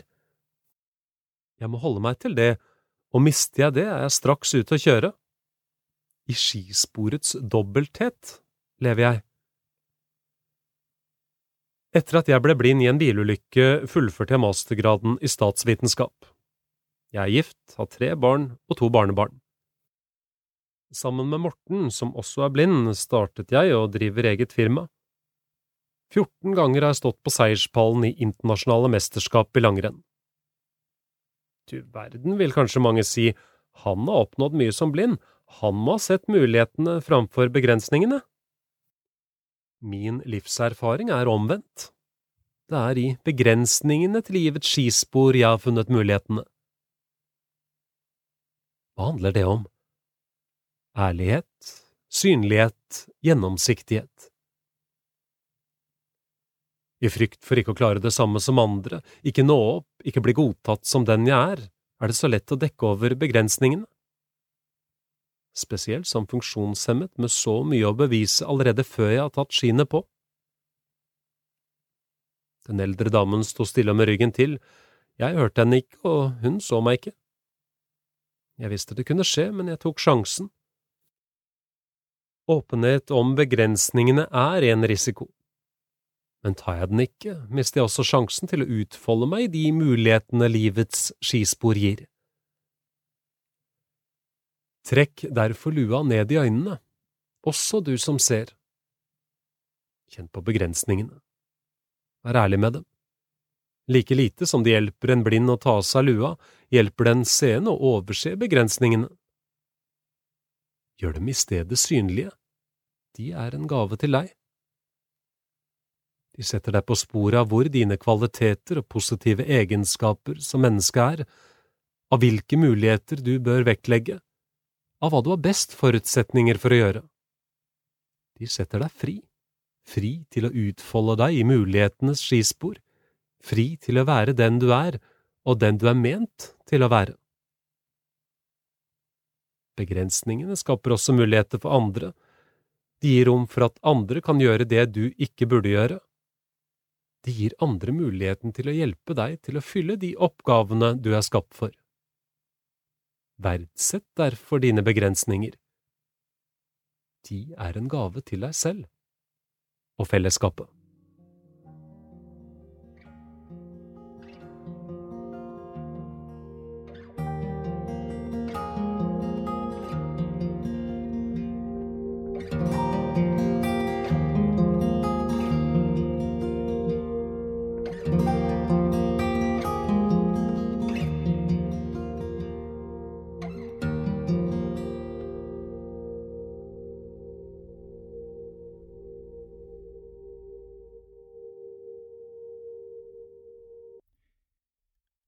Aller først i klippstoffet i denne første utgaven av KAB-podden, en artikkel fra Stavanger Aftenblad.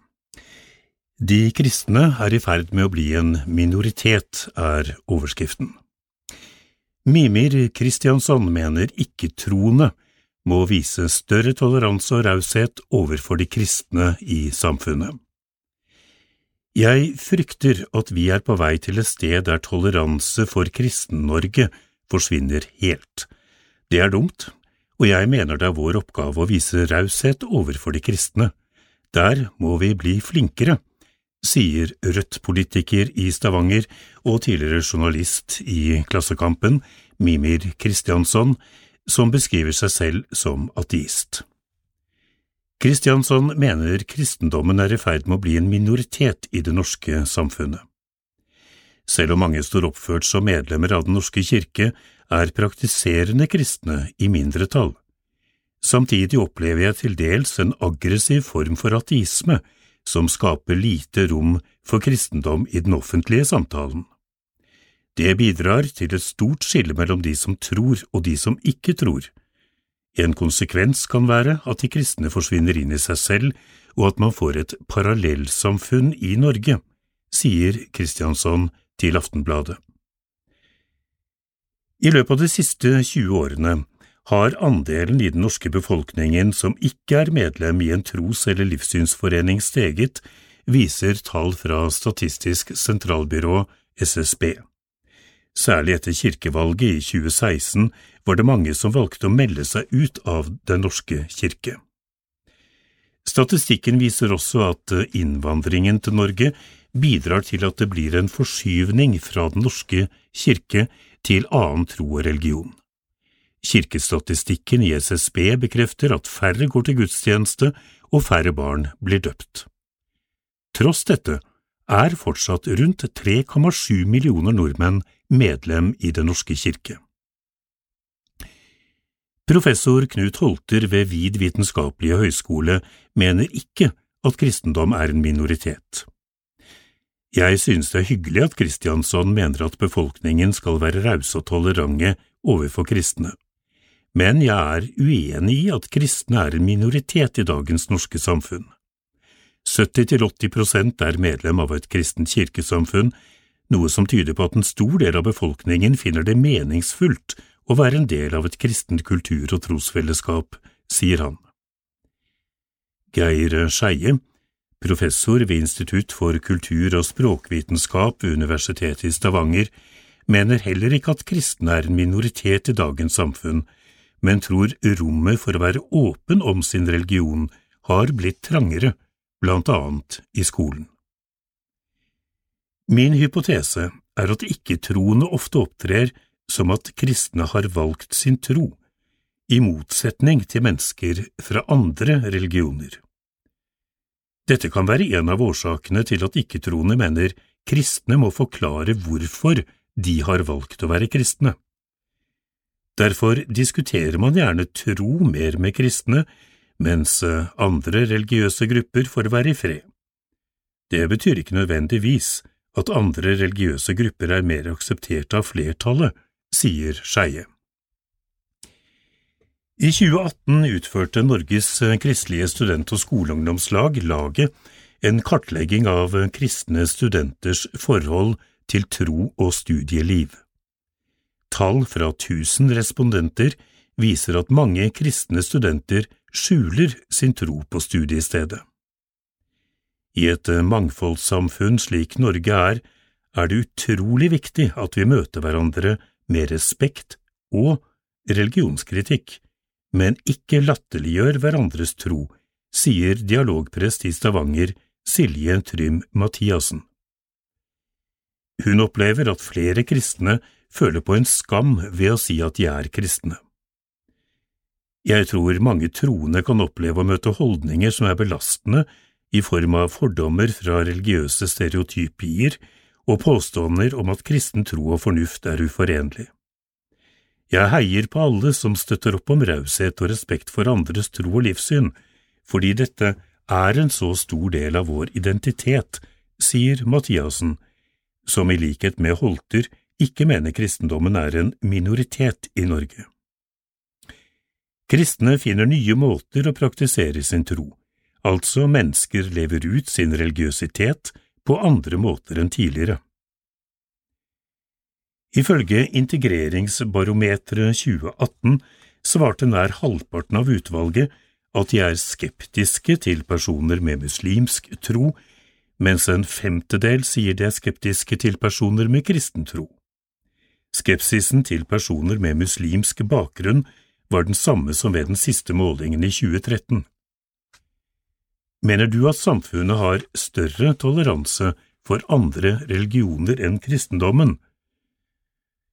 Aftenbladet stiller eh, spørsmålet til Mimir Kristiansson. Nei, tvert imot, svarer han, som hovedtrekk tror jeg vi har mindre toleranse for andre religioner enn kristendommen som har vært dominerende i Norge. Jeg mener at vi må ha en aksept for andre religioner og respektere friheten til å ha en tro, sier Kristiansson.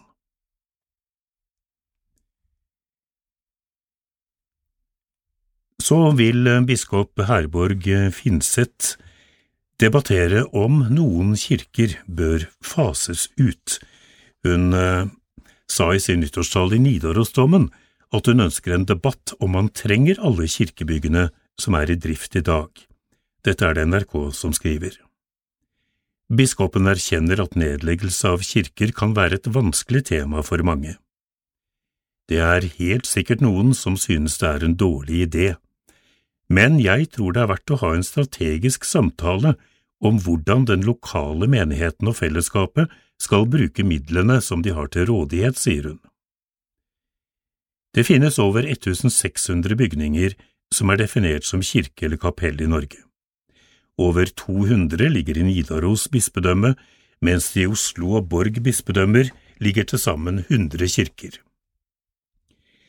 Biskop Finseth sier til NRK at det i noen Trøndelag-kommuner er for mange kirker per innbygger. Det fører til at store deler av fellesrådenes budsjetter går med til vedlikehold.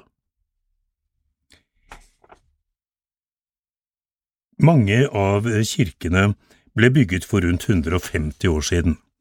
Det var ei tid hvor det var nødvendig å bygge mange kirker. På 150 år har folk flyttet og trafikkmønsteret er annerledes. Vi kjører bil, vi seiler ikke over fjorden. Mange kirker ligger på steder som på ingen måte er noe slags sentrum, sier Finseth til NRK. I talene Nidarosdomen snakket Finseth om Nidaros bispedømme, men til NRK sier hun at utfordringen er den samme over hele landet. Finseth sier det er mulig at kirker som eventuelt skal tas ut av bruk, må rives. Bedehus videre som er tatt ut av bruk er blitt til hytter og skoler. Å selge ei kirke til hytte er ikke tingen, det kan hende vi må ta dem ned, rett og slett. Avisa Vårt Land kommenterer Finsets utspill på lederplass og skriver blant annet Finsets oppfordring til å revurdere hvordan man best bruker pengene, vekker antakelig en del såre følelser. For mange mennesker, spesielt dem vi ofte kaller folkekirkekristne, er nettopp selve kirkebygget av religiøse verdi.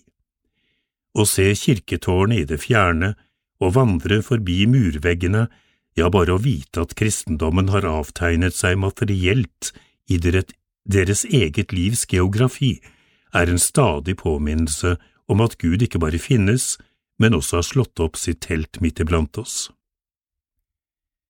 Like fullt er Finsets poeng akutt. Når kirkeøkonomien er presset, må man velge mellom diakonale tjenester og ny takmaling, mellom ungdomsleir og tidsmessig VVS. Skal antallet kirkebygg opprettholdes og vedlikeholdes, krever det flere pengekilder enn det kommunekassene har bydd fram. De som vil beholde kirketårn i horisonten, må regne med å involvere seg økonomisk. Den kirkelige kjerneoppgaven er og blir å samle mennesker om sakramenter, forkynnelse og livsriter. Det diakonale, musikalske og pedagogiske ligger tett på dette, mens spørsmålet om bygg er i randsonen. En ansvarlig økonomi må gjenspeile denne prioriteringen. Det er dermed vanskelig, men riktig, å gi Finseth rett. Det er de levende stener, menneskene og ikke mørtelen, som utgjør kirkens grunnmur, skriver avisa Vårt Land på lederplass. Men avisa Dagens eh, redaktør Vebjørn Selbekk er av en annen mening. Til NRK sier han at biskopen i Nidaros minner om en gnien politiker. Jeg hadde skjønt det mer om det var sagt av en gnien kommunepolitiker eller rikspolitiker som er opptatt av å spare penger, sier Selbekk til NRK. Dette utspillet hadde jeg forstått bedre dersom det kom fra en humanetiker, men i vår tid er det altså en biskop som åpner for å legge ned kirker. Han mener en av styrkene til kirkene er at de finnes overalt. Det er ikke slik at alle løper til kirka, men jeg tror tilstedeværelse betyr veldig mye for mennesker, sier Selbekk, som mener dette gjelder for langt flere enn dem som går i kirka hver søndag. Når et barn blir født, til konfirmasjon, begravelse og bryllup, der er kirka veldig, veldig viktig. Det hadde jeg håpet at også biskopen hadde sett sterkere enn det jeg synes hun gjør nå, sier Selbekk.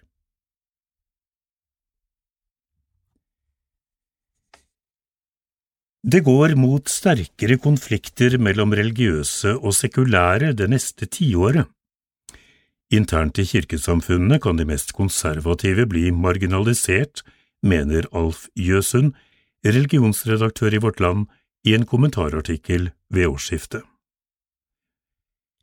Tre hendelser i 2019 er symptomer på utviklingen i Kirke-Norge som helhet.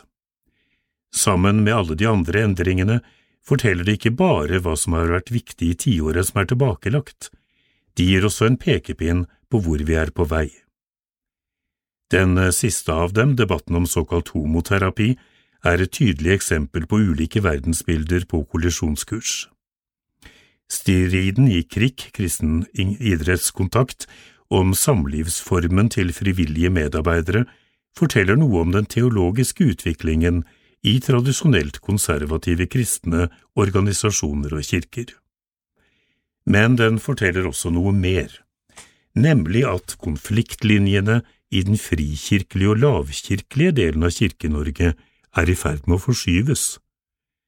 Det siste er også debatten etter prekenen til Alf Magnus på fellesmøtet i Råde kirke et eksempel på. 1. Vi må være forberedt på flere verdikonflikter mellom sekulære og konservative kristne. Når verdensbilder kolliderer, blir debattene uhåndterlige. Homoterapidebatten er et typisk eksempel på en slik debatt. I realiteten er det knapt grunnlag for debatten. Ingen har klart å påvise reelle eksempler på praksisen i Norge, og alle er enige om at press til å endre seksuell legning er en uting. Likevel har folk stått i kø for å ta avstand fra fenomenet. Mistenksomheten har rost, følelser har kokt, og fakta har hatt skrinne kår. Vi har sett flere slike debatter det siste tiåret. Den største av dem var reservasjonsstriden som kulminerte i 2014.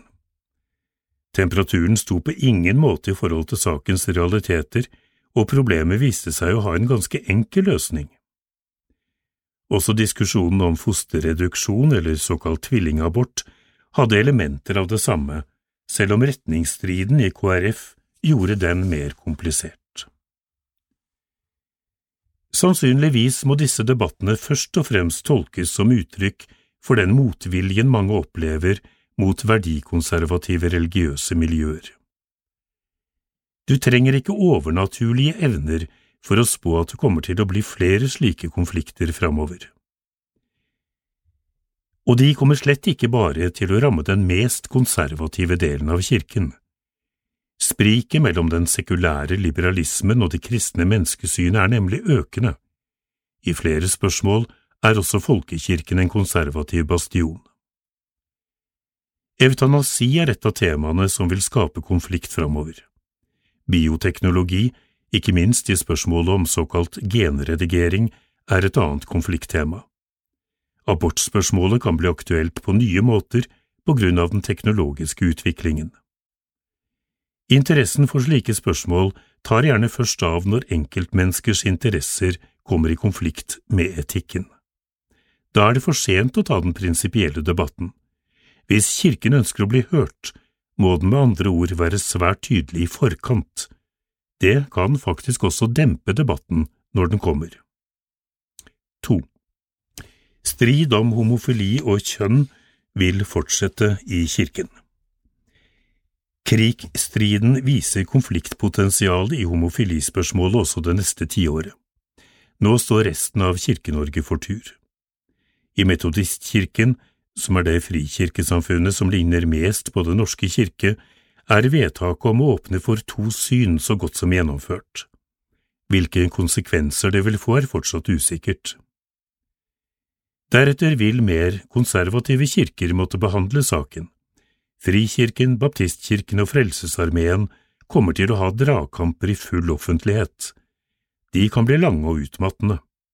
Det samme kommer antakelig til å skje i Nordmisjon. Deretter står pinsebevegelsen og Misjonskirken i Norge for tur. De eneste organisasjonene som vil styre unna debatten de neste ti årene, er de aller mest konservative. Det tydeligste eksempelet er Misjonssambandet.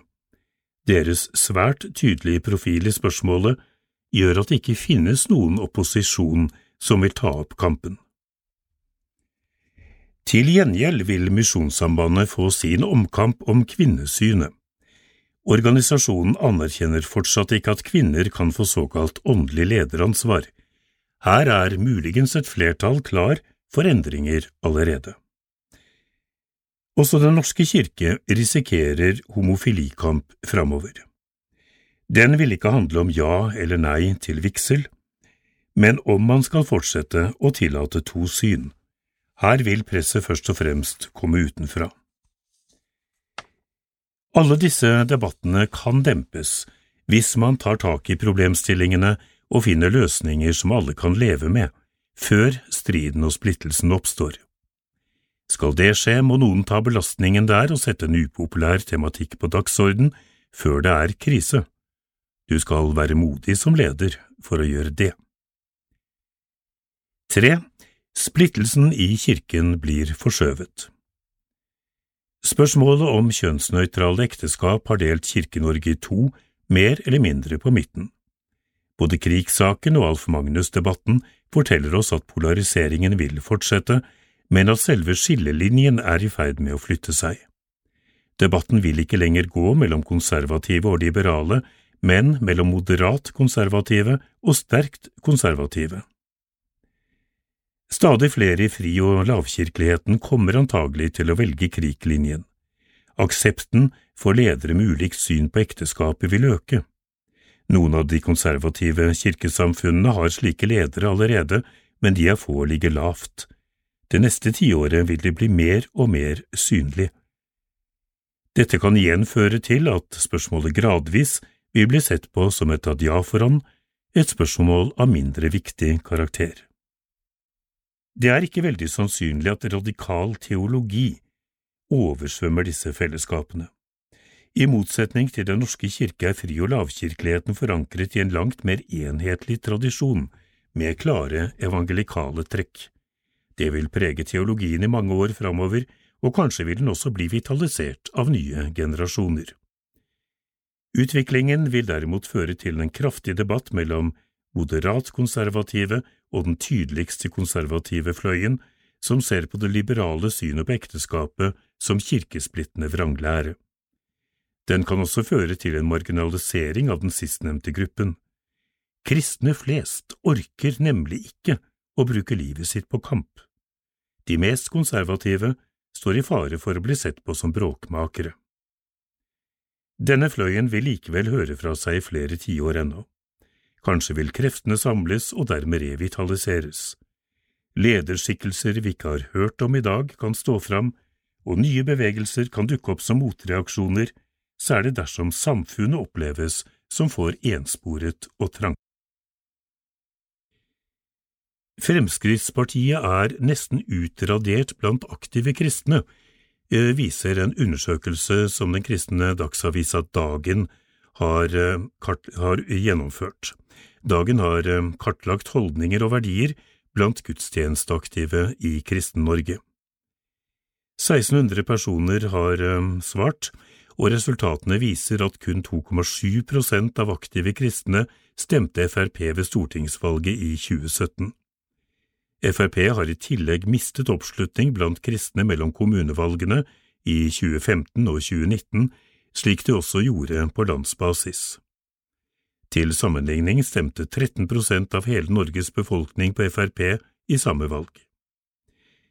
Den lave oppslutningen kommer på tross av en rekke Frp-toppers framstøt mot kristne miljøer de siste 20 årene. Frp har overvurdert sin appell til kristne, sier valgforsker Bernt Årdal ved Institutt for statsvitenskap ved Universitetet i Oslo. Han synes det er interessant at Frp kan ligge lavere blant aktive kristne enn det partiet selv kanskje går rundt og tror men det er i tråd med valgundersøkelsene våre, sier han. I stortingsvalget i 2017 var Frp marginalt større enn Miljøpartiet De Grønne, Venstre og Sosialistisk Venstreparti, og litt større enn Partiet De Kristne. I kommunevalget i 2019 var det bare Rødt som fikk mindre oppslutning blant aktive kristne.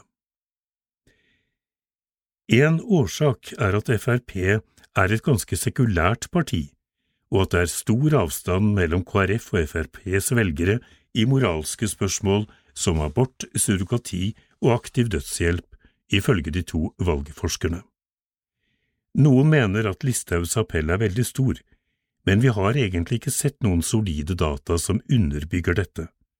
Appellen har nok vært reell, men den har ikke så stor betydning som man kanskje kan få inntrykk av i norsk debatt, og det viser jo målingen deres, sier Årdal. I Den norske kirke er det minimalt med folk som stemmer på Frp. Det kommer ikke overraskende på preses i bispemøtet, Helga Haugland Byfuglien. Hun peker på at ledere og aktive medlemmer i Den norske kirke har et sterkt engasjement i klima- og innvandringspolitikken, som de ser som viktige verdispørsmål. Jeg tror dette også avspeiler seg ved aktive kristne i folkekirken har stemt. Jeg tror vi skal våge å lese noe av dette inn i det sier byfuglien. Sigmund Kristoffersen, som inntil nyttår var leder for pinsebevegelsen, kjenner seg igjen i at pinsevenner ofte stemmer på borgerlige partier. Han ser det som en protest mot angrep på kristne symbolsaker fra partier på den politiske venstresiden. Det faktum at Frp er så lite blant aktive kristne generelt, forklarer han med dobbeltkommunikasjon, på en del verdier som kolliderer. På én side står man fram med støtte til Israel, men så er det saker som innvandring og alkoholpolitikk som skaper et dilemma for flere kristne velgere sier Christoffersen til avisa Dagen. Som du kanskje vet, eh, produserer KAB en rekke blader og tidsskrifter som leses inn i sin helhet, så du behøver altså ikke å nøye deg med det klippstoffet vi rekker å tilby deg her på KAB-podden. Alle disse tidsskriftene er til utlån i biblioteket for dere som laster ned selv, eller du kan bestille dem på CD i posten. I så fall kontakter du bare oss i KAB på telefon 6981 6981. Vi skal straks eh, få et lite eksempel på ett av tidsskriftene vi produserer, men jeg skal bare helt kort nevne noen av de andre. Eh, magasinet Strek, Budbæreren, organet for Den evangeliske lutherske frikirke, Norea Media Misjon, Utsyn fra Norsk Luthersk Misjonssamband, Det katolske Sankt Olavsbladet, eh, Vern om livet, Agenda 316, og dessuten en rekke menighetsblader. Vi skal også nevne her at dersom du ønsker ditt lokale menighetsblad produsert eh, på lyd, så kan du også ta kontakt med KAB, som så igjen kontakter menigheten, og det er også helt gratis. Da avslutter vi med en artikkel fra magasinet Stefanus, som utgis av Stefanusalliansen som arbeider for forfulgte kristne. Det handler om troskrise når øh, vannet tørker ut, og er eh, det siste innslaget i klippstoffet vårt i dag.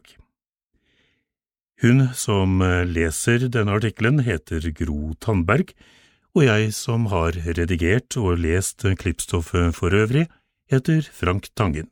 Takk for denne gangen, og velkommen tilbake til flere klipp om en måned. Troskrise når vannet tørker ut Tekst Johannes Morken, København Når Iraks elver tørker ut på grunn av klimaendringer, rammer det en religiøs minoritet der rennende vann spiller en avgjørende rolle. Det finnes gode eksempler på at klimaendringer og miljøkriser rammer også trosminoriteter, sier professor Maritz Tadros.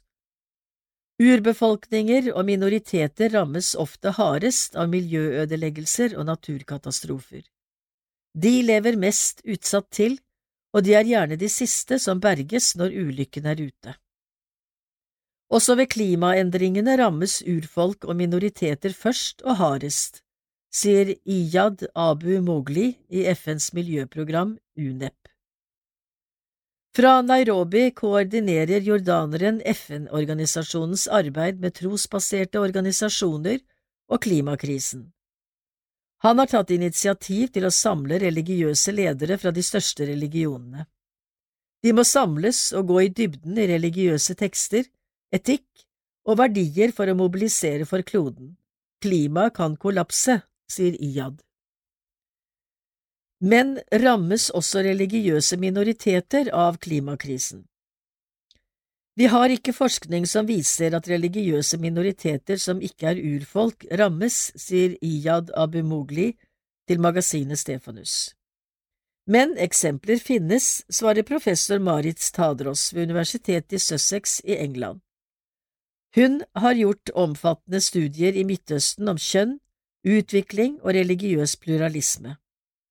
Hun har skrevet bok om kopterne og en om Det muslimske brorskap. Tadros var tidligere ansatt ved det amerikanske universitetet i Kairo. Hun skrev også i flere år for den egyptiske avisen Al-Arams engelske helgeutgave. Tadros etterlyser en enkel og praktisk forskningsmetode for å se sammenhenger mellom klimaendring, trosfrihet og kvinners rettigheter. Kvinner spiller en sentral rolle i mange samfunns tro og deres forhold til natur og klima. Tadros har tre konkrete eksempler. Det første er fra Irak. Den lille minoriteten mandere, de kaller også sabere, er en av de eldste religionene i verden. De er monoteister, men er verken jøder, kristne eller muslimer. Vannet er avgjørende, templene må ligge ved rennende elver. Men i Irak tørker elvene ut. Hvordan kan de da praktisere sin tro? Kvinnene spiller en nøkkelrolle i deres religiøse liv. Hvordan kan kvinnene da utøve sin rolle, spør Tadros. I 2009 ble Egypt rammet av H1N1-viruset. Verdens helseorganisasjon, WHO, ga straks viruset og sykdommen navnet svineinfluensa. I Norge brydde de fleste seg lite om navnet. I Egypt utløste navnet derimot en katastrofe for kristne kvinner, miljø og klima. Det var en idiotisk WHO-uttalelse, sier Tadros. For muslimer er svin urene dyr. I Egypt har kopterne, de kristne, hatt griser. Mange muslimer forbinder koptere med det urene. Mange steder er det fattige koptere, en gruppe som kalles sabalenere, som har tatt seg av Egypts søppel. I noen provinser i sør har kvinner hatt en nøkkelrolle sammen med sine griser. Men WHOs advarsel mot svineinfluensa ble umiddelbart utnyttet. Det muslimske brorskapet presset på i parlamentet for at Egypt skulle avlive alle landets over 300 000 griser. Dette ble så vedtatt og iverksatt av regjeringen. Grisene hadde spilt en stor rolle i søppelhåndtering fordi de spiste store mengder avfall. Da grisene var avlivet, måtte avfallet i stedet brennes. Brenning av søppel har alltid vært et problem i Egypt, men dette ble dramatisk forverret etter at grisene var avlivet. Kvinnene som hadde stelt grisene, måtte i stedet ale opp geiter, og de spiser ikke søppel. En uttalelse fra WHO fratok altså en gruppe koptiske kvinner sin rolle i Egypts søppelhåndtering og forsterket et miljø- og klimaproblem, sier Tadros, og legger til, i ti år har jeg ønsket at vi skulle stilt WHO-eksperten som kalte viruset svineinfluensa, til ansvar. Eksperter og offentlige tjenestemenn har et stort ansvar både for sine ord og handlinger. Hun intervjuet en koptisk kvinne om avlivingen av grisene. Kvinnen sa, Ikke syns synd på meg, Egypt må synes synd på seg selv, fordi landet vil drukne i søppel. Røykskyer henger tungt over søppelhaugene. Svært marginaliserte grupper av koptiske kvinner i det sørlige Egypt har skapt seg et bærekraftig liv gjennom sin kulturarv. De har levd etter den bibelske ideen om at ikke all avling skulle høstes. Bonden skulle alltid la noe bli stående igjen på åkeren, slik at fattige kunne høste. Fattige kvinner, både muslimske og kristne, kunne gå ut om kvelden og høste etter at bonden var ferdig. De kunne gjøre det med sin verdighet i behold, sier Tadros. Men nå er klimaet i Øvre Egypt blitt så varmt at mange bønder sier at de ikke har råd til å la noe av avlingen stå igjen. Hele systemet med samhold og gjensidig avhengighet er blitt ødelagt for fattige minoritetskvinner og for fattige kvinner i den muslimske majoriteten, sier Tadros.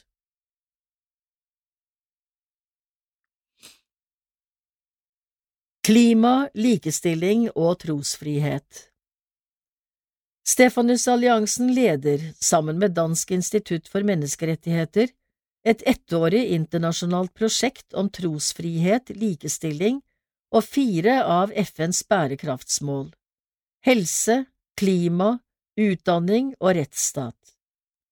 En rapport med forslag til tiltak skal leveres til FNs spesialrapportør for trosfrihet. Ahmed Shahed.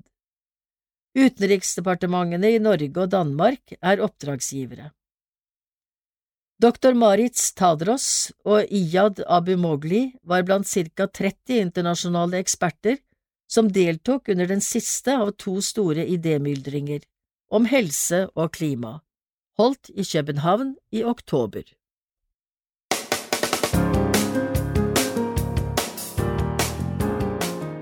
KAB-pod er utgitt av KAB, kristent arbeid blant blinde og svaksynte. Vår adresse er postboks 333 1802 Askim. Du kan ta kontakt med oss hvis du har reaksjoner, innspill eller tips. Da kan du sende en e-post til kabalfakrøllkab.no, eller du kan ringe 69 81 69 81.